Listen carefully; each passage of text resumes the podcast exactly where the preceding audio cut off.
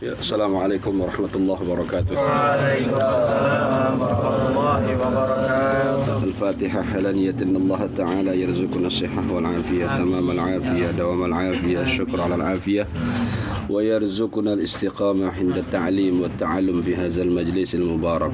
إن الله تعالى يفتح علينا فتوح العارفين ويفكهنا في الدين ويعلمنا علم اليقين. الفاتحة لهذه النية وعلى كل نية صالحة وإلى حضرة النبي محمد صلى الله عليه وسلم. شيء لله لهم الفاتحة. أعوذ بالله من الشيطان الرجيم. بسم الله الرحمن الرحيم. الحمد لله رب العالمين.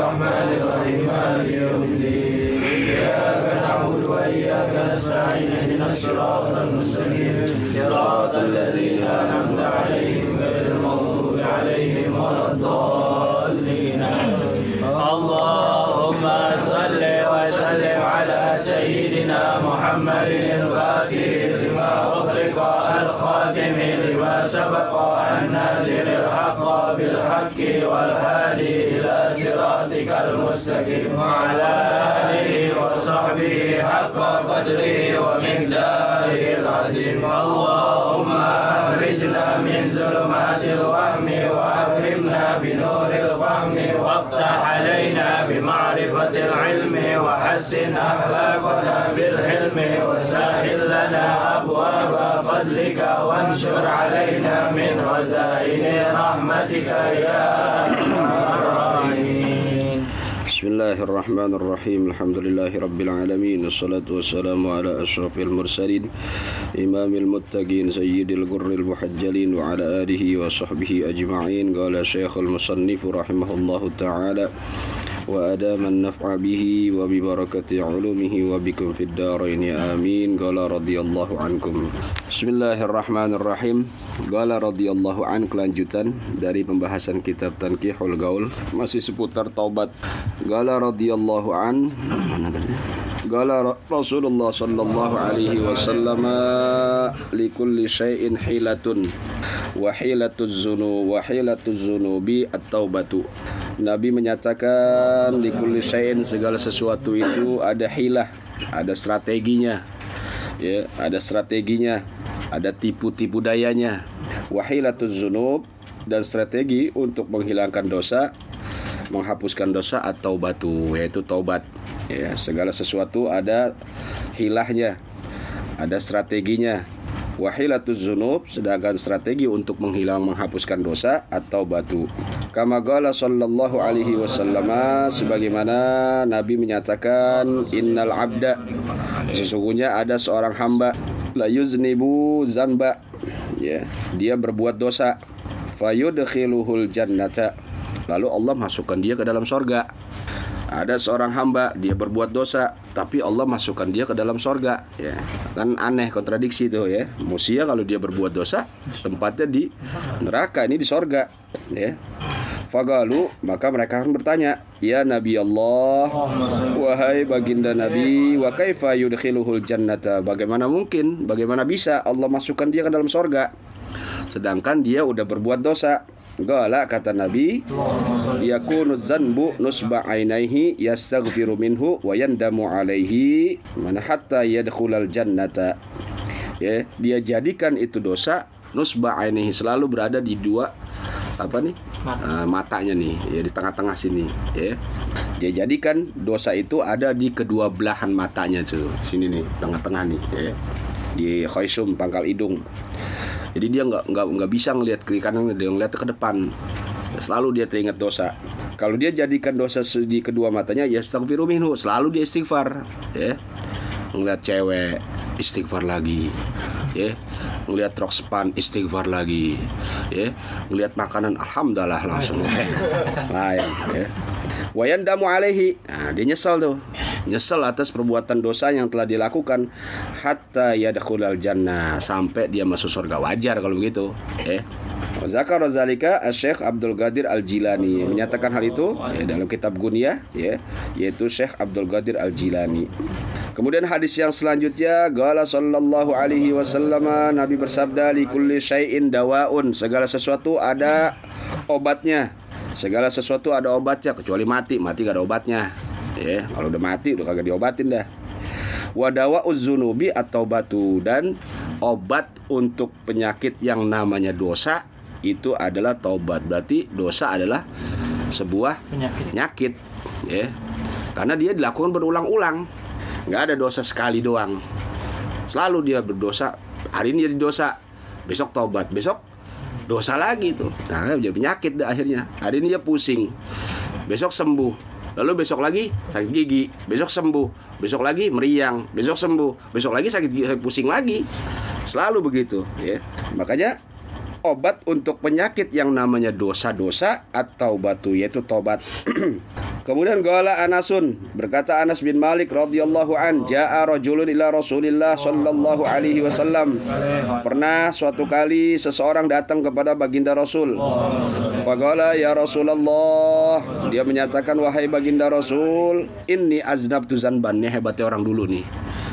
ya hebatnya orang dulu sahabat-sahabat kalau berbuat sesuatu yang melanggar syariat dia ngaku ya nggak diumpetin dia ngaku sesungguhnya aku telah berbuat dosa Gala sallallahu alaihi wasallam kata Nabi istighfirillah ya istighfar sama Allah ente ya.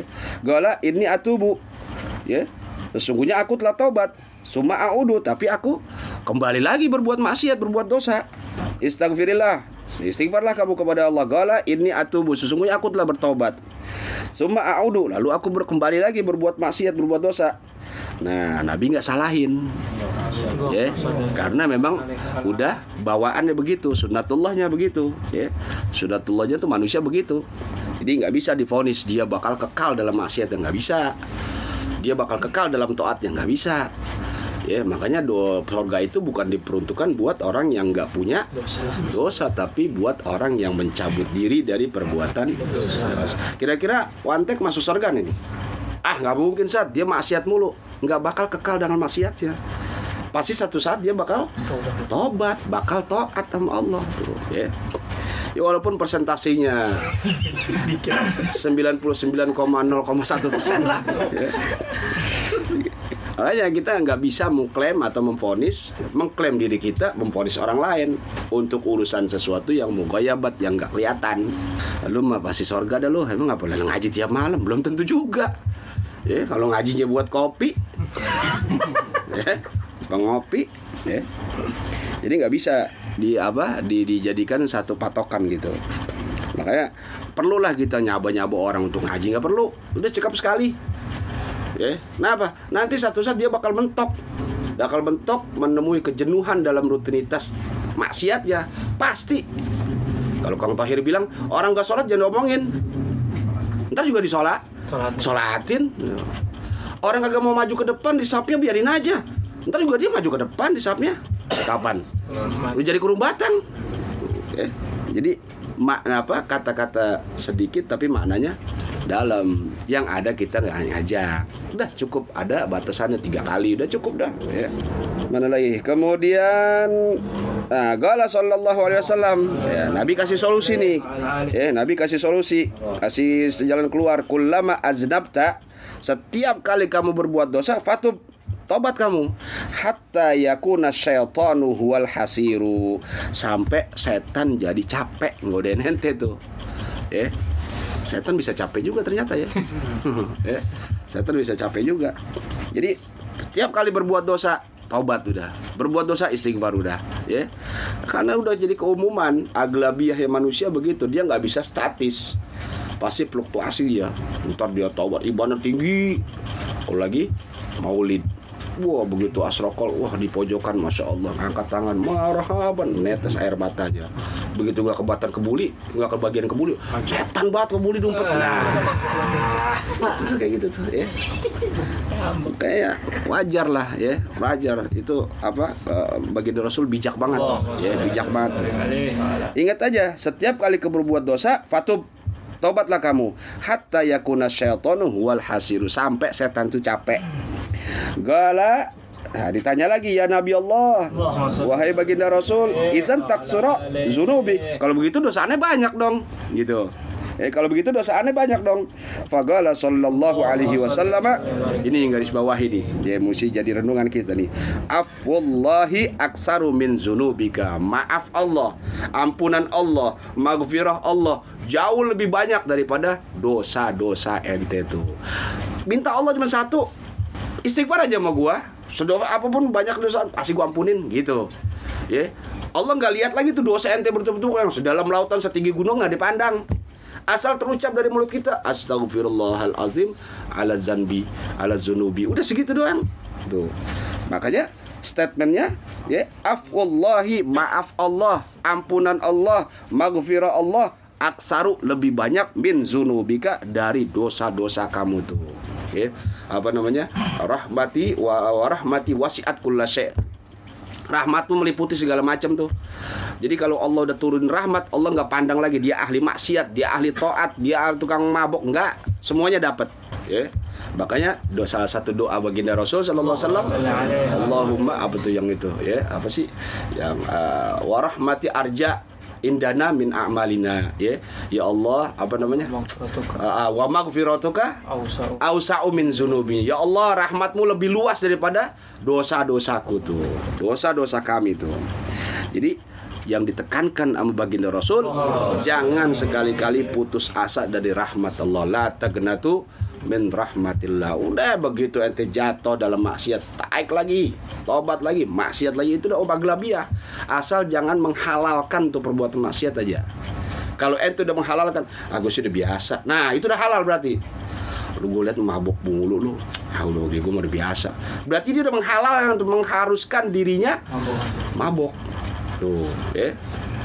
Jadi kak nggak boleh tuh apa namanya ada pemutarbalikan hukum di situ Ya, walaupun dia nggak secara langsung menghalalkan, tapi dari sikapnya, dari dari tutur katanya menunjukkan bahwa dia tuh udah terbiasa, udah jadi satu apa, satu kebiasaan yang dia nggak berusaha untuk mencabut diri dari kebiasaan tadi, gitu. Ya, nah kayak hati-hati ya, hati-hati.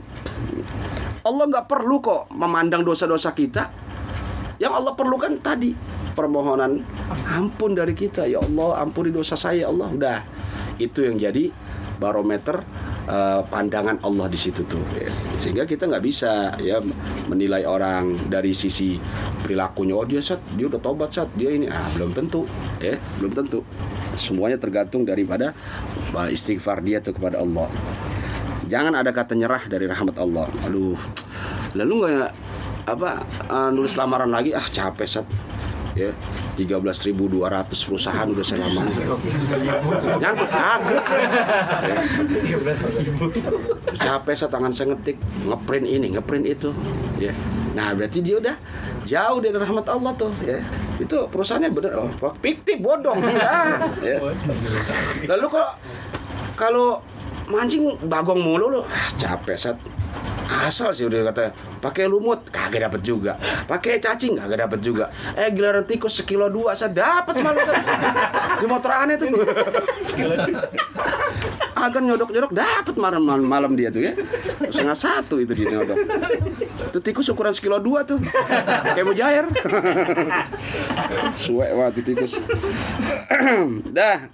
Kemudian Gala sallallahu alaihi wasallam Nabi bersabda lagi at-taubatu tahdimul haubah bifatil ha al muhmalah ya al khati'ata doa taubat itu dapat menghancurkan haubah ya. Bifatil ha. Haknya fathah tuh bukan hubah tapi haubah. Ya, al muhmalah yang tidak bertitik yaitu hak ya. Artinya apa? Al khati'ah dapat menghancurkan kesalahan-kesalahan tuh. Wa fi labzin wa fi al hub dalam lafaz lain al hub bidomil ha. Haknya doma tuh ya. Bukannya haubah tapi hubah Ail ismu artinya dosa tuh. Jadi tobat dapat menghancurkan dosa dan kesalahan. Waruya anil Hasan radhiyallahu anhu anin Nabi sallallahu alaihi wasallam diriwayatkan daripada Sayyidina Hasan radhiyallahu an dari baginda Nabi sallallahu alaihi wasallam annahu qala bahwasanya beliau menyatakan lau akhta'a ahadukum. Ah, seandai kata salah satu dari kalian berbuat dosa dan salah hatta yamla'a ma bainas sama'i wal ardi sampai dosa dan kesalahannya memenuhi tujuh lapis langit dan bumi summa taba lalu dia tobat taballahu alaihi. Niscaya Allah terima tobatnya tuh. Taba yang pertama pakai fil madi artinya tobat dengan nasuha dengan benar-benar tobat kalau pakai film mutore masih uh, angot-angotan tuh. Tapi ini pakai film madi taba ya tubuh. Taba summa taba lalu dia tobat taballah jawabnya pakai fil madi juga. Pasti tuh litahgik pasti Allah terima tobatnya tuh. Tadi dosa sebesar apa pun kalau dia tobat aja. Nah udah pasti Allah. Allah nggak pandang lagi dosanya ya dalam Duratun Nasin ada tuh cerita kan gitu. Preman mau tobat ya dia udah bunuh 99 orang. Datang ke ustadz yang ilmunya setengah. Ya begitu tanya ustadz saya mau tobat nih. Emang kesalahan ente apa? Saya udah bunuh 99 orang. Kaget ustadz. Ya Allah. Kira-kira diterima gak sama Allah? Udah kebangetan banyak dosa lu mah. Gue juga kagak yakin. Gitu kata tuh ustadz kesel nih preman. Daripada gue cuma sekedar demek sama dosa mendingan gue basain dah. Dipenggal tuh digenepin jadi seratus. Nah, jangan coba-coba ngadepin preman ya. Yang preman mau tobat udah gampang. Jangan jangan suka dilanggar-langgar udah. Ya alamin aja. Ya. Saya mau tobat Pak Ustadz. Emang salahnya apa? Ya nggak banyak sih Pak Ustadz. Saya cuma buntingin emak sama anaknya. Dah iya saya kawinin anaknya dapat bonus emaknya. Ya, kira-kira udah tobat saya terima? Udah gitu aja ya. Nanti bagaimana ininya? Urusan dia sama Allah gitu. Kan kita nggak boleh mandang orang ya bisa apa namanya tua kejemur ada begitu kan? Nah, itu urusan dia. Lu kok nggak cium tangan sama tukang kongkong? Apaan sot? Mabuk mulu tiap malam. Urusan dia. Lu disuruh untuk cium tangan sama dia karena lebih banyak asam garam kehidupan dia daripada lu. Jangan pandang dosa itu urusan dia sama Allah. Dulu anak santri begitu tuh Syahril eh lu kok gak salim lu ah saat saya tidak malam lihat dia mabuk mulu saya di pos ansip ya. Lu ada gampar aja nggak boleh begitu. Udah cium tangan cium tangan aja. Tunjukkan bahwa kita itu tolabatul ilim penuntut ilmu. Nanti berkat kita cium tangan sama dia Allah kasih dia taufik hidayah berbarengan dengan tangan kita bersentuhan dengan tangan dia tangan dia nempel di mulut kita kita cium tangan dia Allah kasih kemudahan dia untuk tobat ya. Akhirnya dijadikanlah kita sandaran untuk sama dia tuh. Wow dulu dia cium tangan gua tuh berkat dia cium tangan gua jadi tobat tuh ya. Akhirnya pahala mengalir tanpa kita ngusahain tuh ya. Banyak kita nerima nanti di alam kubur atau di barzakh ada apa di barzakh atau di uh, yaumil hisab. Kita nerima pahala kagak tahu kagak kagak tahu apa perbuatan kita waktu di dunia. Ini apa malaikat? Ini waktu lu begini begini dah saya kagak ngapa-ngapain malah cuma doain dia doang. Dia juga udah kagak dengar doa saya. Ya cuman dia nah lu digebuk malaikat. Wah salah saya apa malaikat? Lu waktu si temen lu tuh sebelah bagong lu kan cengir doang. Ngatain kagak cuma gitu doang tuh. Itu dicatat malaikat. Bisa gak dipaham? Dia nawain ha enggak. Ngeledekin bagong enggak. Cuman begitu dia ayo pulang ya. Lu dapat kagak gitu hati-hati ente. Sekecil apa pun sebesar biji zarrah ya al jaza min jinsil pasti berlaku. Hati-hati. Nggak perlu lah nyumpain ya. Kemudian yang selanjutnya nih gala alaihi salatu wassalam. Nabi bersabda lagi tubu ilallah. Tubu ilallah. Tobatlah kamu kepada Allah. Fa inni atubu ilahi kulla yaumin mi'ata marrah. Ya Allah sesungguhnya aku tobat kepada Allah setiap hari sebanyak 100 kali tuh. Ya jadi ya Allah jauh banget Nabi dosa udah dijamin. Oh, ya udah kagak bakal ada dosanya Nabi. Maksum. Tapi masih istighfar minta ampun sama Allah dalam sehari 100 kembalikan ke diri ente. Ente berapa kali? Istighfar kalau kaget dong jadi astagfirullahaladzim. Selebihnya itu juga kalau bagi lagi lempang itu nah biasanya cugar buseng deh eh dah nah begitu. Eh. Ya. di majlis saya "Coy, eh, kopi apa ini? Alhamdulillah wah lah di majlis. Ya. Lagi gila orang di luar di jalanan apalagi lah bawa motor bawa mobil waduh. Lu kagak ada ininya dah. Malu kita sebetulnya ya malu. Jadi baginda Rasul aja yang dosanya udah dapat jaminan ampun ya itu istighfar tobat sama Allah kulla yaumin mi'ata marrah 100 kali setiap hari Rawahu Syekhon Wah Imam Bukhari sama Muslim yang riwayatin. Ya sungguh kuat nih. Ani bin Umar Ibnu Khattab. Diriwayatkan daripada Umar bin Khattab. Nah wa zukira wa zakara atau zukira boleh. Mau dibaca majhul boleh maklum boleh. Wa zukiral mi'atu litaksir. Disebutkan 100 setiap hari 100 itu litaksir untuk membanyakan tuh. Bukan litahdid untuk membatasi. Jadi Rasul 100 doang loh enggak. Ya. Dianggapnya 100 udah banyak. Ya berarti bisa lebih tuh. Ya. Litahdid bukan litaksir eh litaksir bukan litahdid cuman tobatnya beliau beda sama kita nih. Wa taubatul awami minaz zunub. Tobatnya orang awam kayak kita dia dari dosa.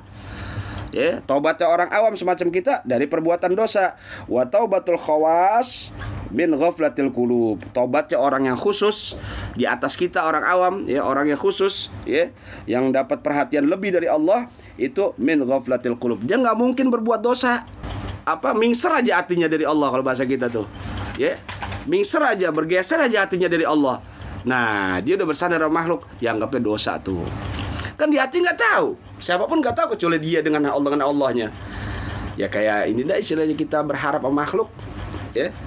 Uh, lo tong kapan mau bayar utang? Besok bang, gue datang ke rumah lu siang. Lu jangan ke mana bareng ya? Gue kebetulan gue ambil dulu tuh paginya. Tuh gue langsung ke rumah lu. Nah, karena dia udah janji begitu, kita berharap lebih tuh sama dia tuh, sama si kentong mau bayar utang nih. Udah, udah zohor. Busi biasanya kita awal waktu sholat. Nah, kalau gue sembayang, untung datang lagi nih. Sangkain gue nggak ada di rumah, lewat lagi. Tahu sendiri kentong kalau utang mah nembak mulu, tarsok, tarsok mulu. Nah kemudian lagi lempeng nih dia tuh. Berharap sama makhluk itu dosa orang yang khusus ya, yang khawas tuh. Ya kayak puasa dah, ya kayak puasa kalau kita kan jempat ngabuburit apa nyari bukaan. Ya kan? Kalau kita jempat yang bukaan ya. Ya, kalau orang awam kayak kita nih, nah jempat tuh bukaan tuh ya. Kalau yang apa ya orang apa namanya orang khusus tuh di atas asar tuh. Jempat dia nanyain bukaan wajar. Tapi kalau yang di bawahnya nih orang awam eh, jam 9 pagi udah nyari nanoan. Butuh mayang. ya. Tapi kalau orang yang khusus lel khusus dia bergeser aja tuh. Ntar pengen buka pakai apa? Ah udah batal dulu puasanya.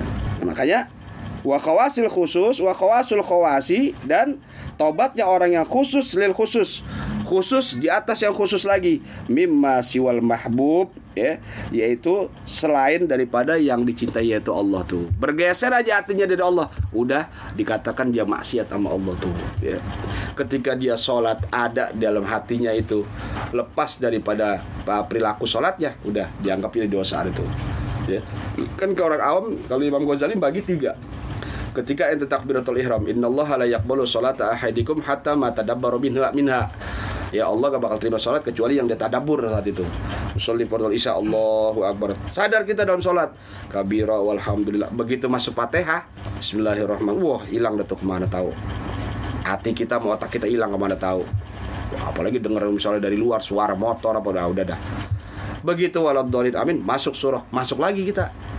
Woi kita lagi sholat tuh. Bismillahirrahmanirrahim. Kul huwallah. Begitu lam yalid walam yat walam yakullahu kufuran Mau ruku hilang lagi tuh Ya. Ya tidak. Masuk lagi tuh Nah itu tergantung daripada Tadaburnya kita Ingatnya kita di saat sholat tuh ya. Nah ketika itu nah, Udah dianggapnya nol tuh. Jadi kita dapat pahala ketika takbiratul ihram Sama doa iftitah. Lalu fatihah nggak dapat sama sekali. Kemudian surah dapat kita. Ruku gak gak dapat. Eh tidak dapat. Ya, berapa kali kita lakukan seperti itu? Ya dalam sehari sholat lima waktu tuh. Nah jadi kesimpulannya kalau udah bergeser hatinya daripada orang yang dia cintai selain yang dia cintai yaitu Allah dianggapnya dia udah melakukan maksiat ya. Kalau udah begini namanya udah udah udah mukorobin udah. Orang-orang yang merasa terpantau jiwanya dirinya oleh Allah tuh ya. Ada seorang ulama ya ketika dia udah mulai suluk tadinya dia syariat lalu dia suluk tuh ke dalam hakikat ya. Nah ini dari gangguannya dari keluarga ya suluk tuh dia. Ketika dia ada hasrat kepada istrinya dia tekan dia tekan dia tekan tapi bininya yang nggak kuat. Dia nyamperin ayo udah kamu putuskan sampai sini.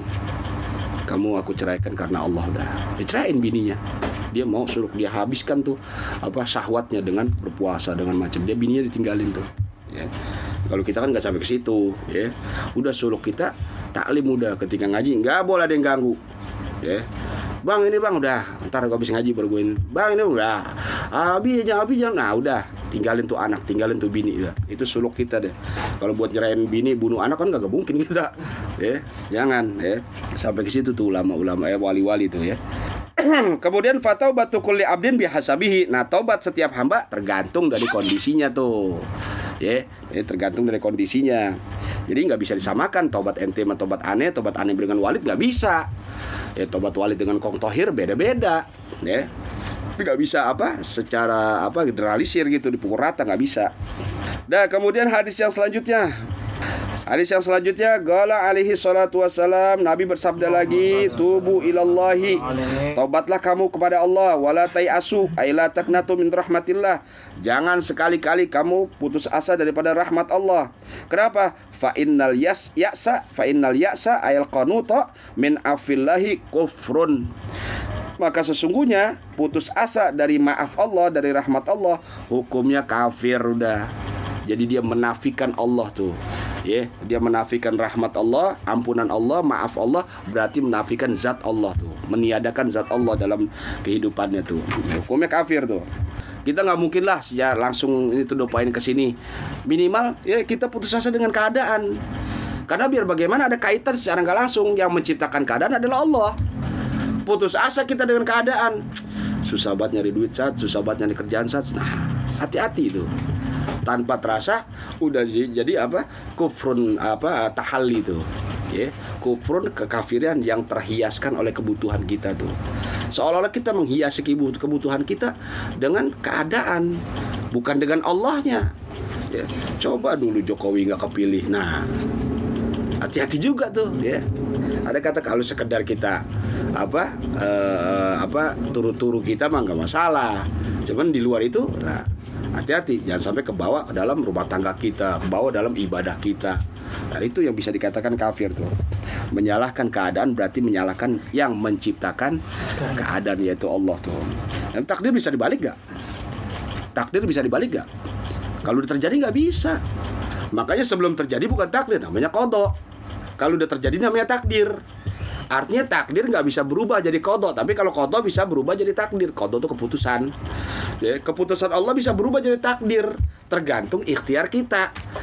Tapi kalau takdir Allah balik ke kodok, balik keputusan kita nggak bisa. Biar bagaimana kita mesti ngikutin maunya Allah, bukan Allah ngikutin maunya kita. Paham nggak? Nah kita diciptakan dulu dong kodok tadi, keputusan tadi.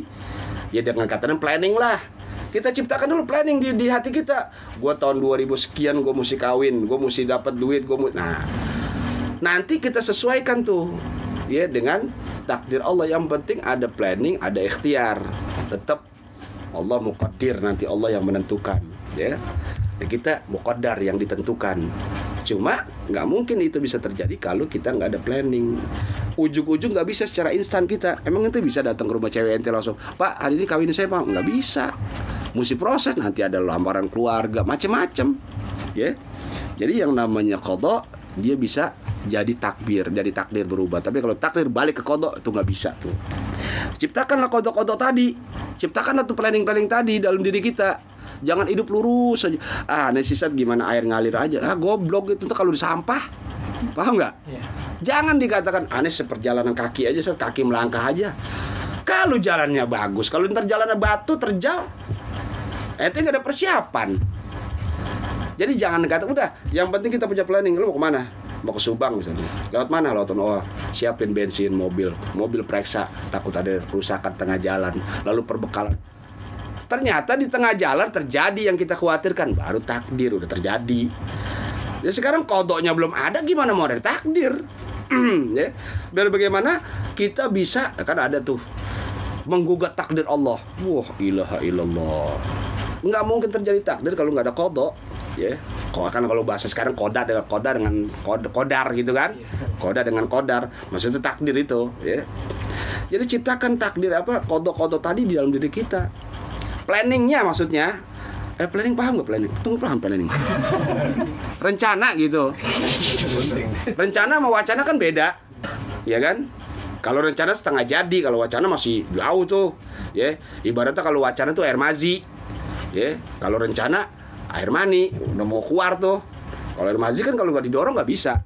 Ya kalau air mani nggak didorong dia keluar asal syahwat kan gitu. Jadi ciptakan tuh jangan hidup di, apa apa nggak nggak ada apa nggak ada nggak ada perubahan lah ya. Udah tiap hari begitu aja. Bangun tidur begitu terus mau tidur begitu. Ya itu namanya dia nggak punya kodok udah ya. Gimana takdir Allah mau berjalan sama dia Makanya ulama bilang yang takdir itu adalah yang indah-indah katanya. Artinya yang happy ending ujungnya. Dan sekarang kalau kita nggak ciptakan kodok dengan happy ending juga, nggak mungkin takdir happy ending juga ya. Tiap hari muter aja ke rumah temen. Pagi nyari sarapan ke rumah temen siang makan ke rumah temen malam di rumah temen. Ya Allah. Betah begitu ya. Hidup tuh orang begini. Lu bilangin nih ini, ini, ini usaha peluang usaha begini ini peluang ini terima dulu kayak jangan pakai aduh ini nggak bisa. Lah dicoba belum ya. Ya, apa namanya sering banget bocah ngadu begitu ya. Gimana sih? Ah wantek setiap dia. Dia mah kencang kencang main gitar kagak pukul lagu sat suruh dagang rokok rokok jadi sepin. Ya. Suruh apa betulin apa dapur ya. segala telur di undut.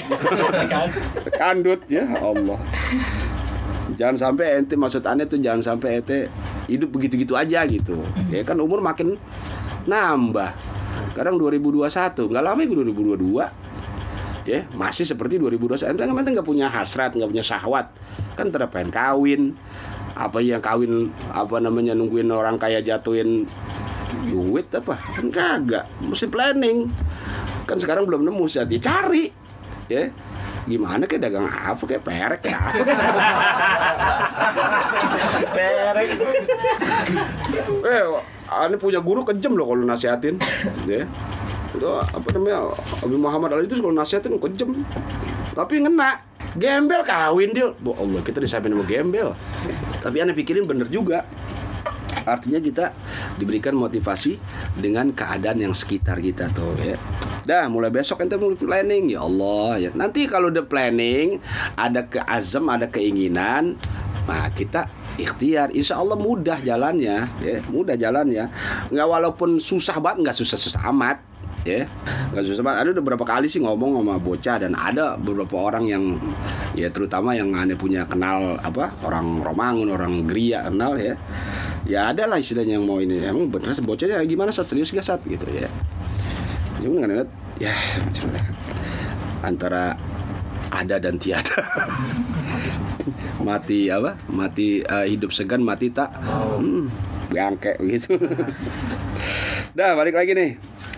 Wayurwa dan diriwayatkan anna bener ya Yes. Yuria dan diriwayatkan anna rajulan dulu ada seseorang tuh Sa'al bin Mas'udin an Zan bin Ala bin Bihi Nah, dia bertanya kepada Ibnu Mas'ud ya radhiyallahu an tentang dosa yang menyakiti dia, mengganggu dia tuh, alam tuh sakit. Dosa yang menyakiti hatinya, menyakiti dirinya tuh. Halahu min tobat? Apakah masih ada tobat? Ya, buat dosa yang selalu mengganggu dia. Fa'aradu anhu Ibnu Mas'ud. Ibnu Mas'ud nengos tuh. Berpaling artinya melengos.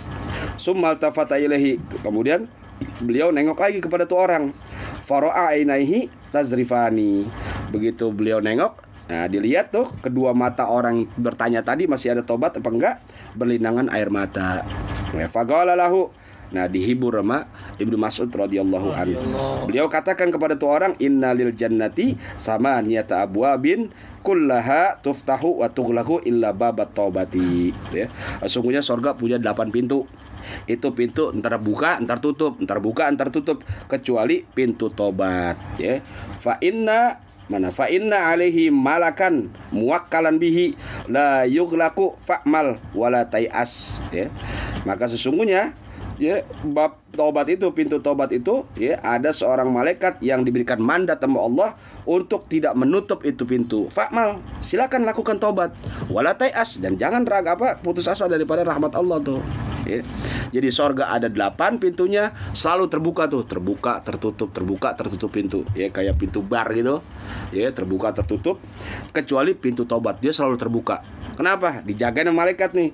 Ya, fa inna alaihi maka sesungguhnya ya atas apa pintu itu, pintu sorga itu, eh pintu tobat itu malikan muwakalan ada seorang malaikat yang diberikan muwakal, diberikan wakil, maksudnya diberikan mandat sama Allah, la yugriku, dia tidak menutup pintu itu. Artinya dia jagain pintu itu.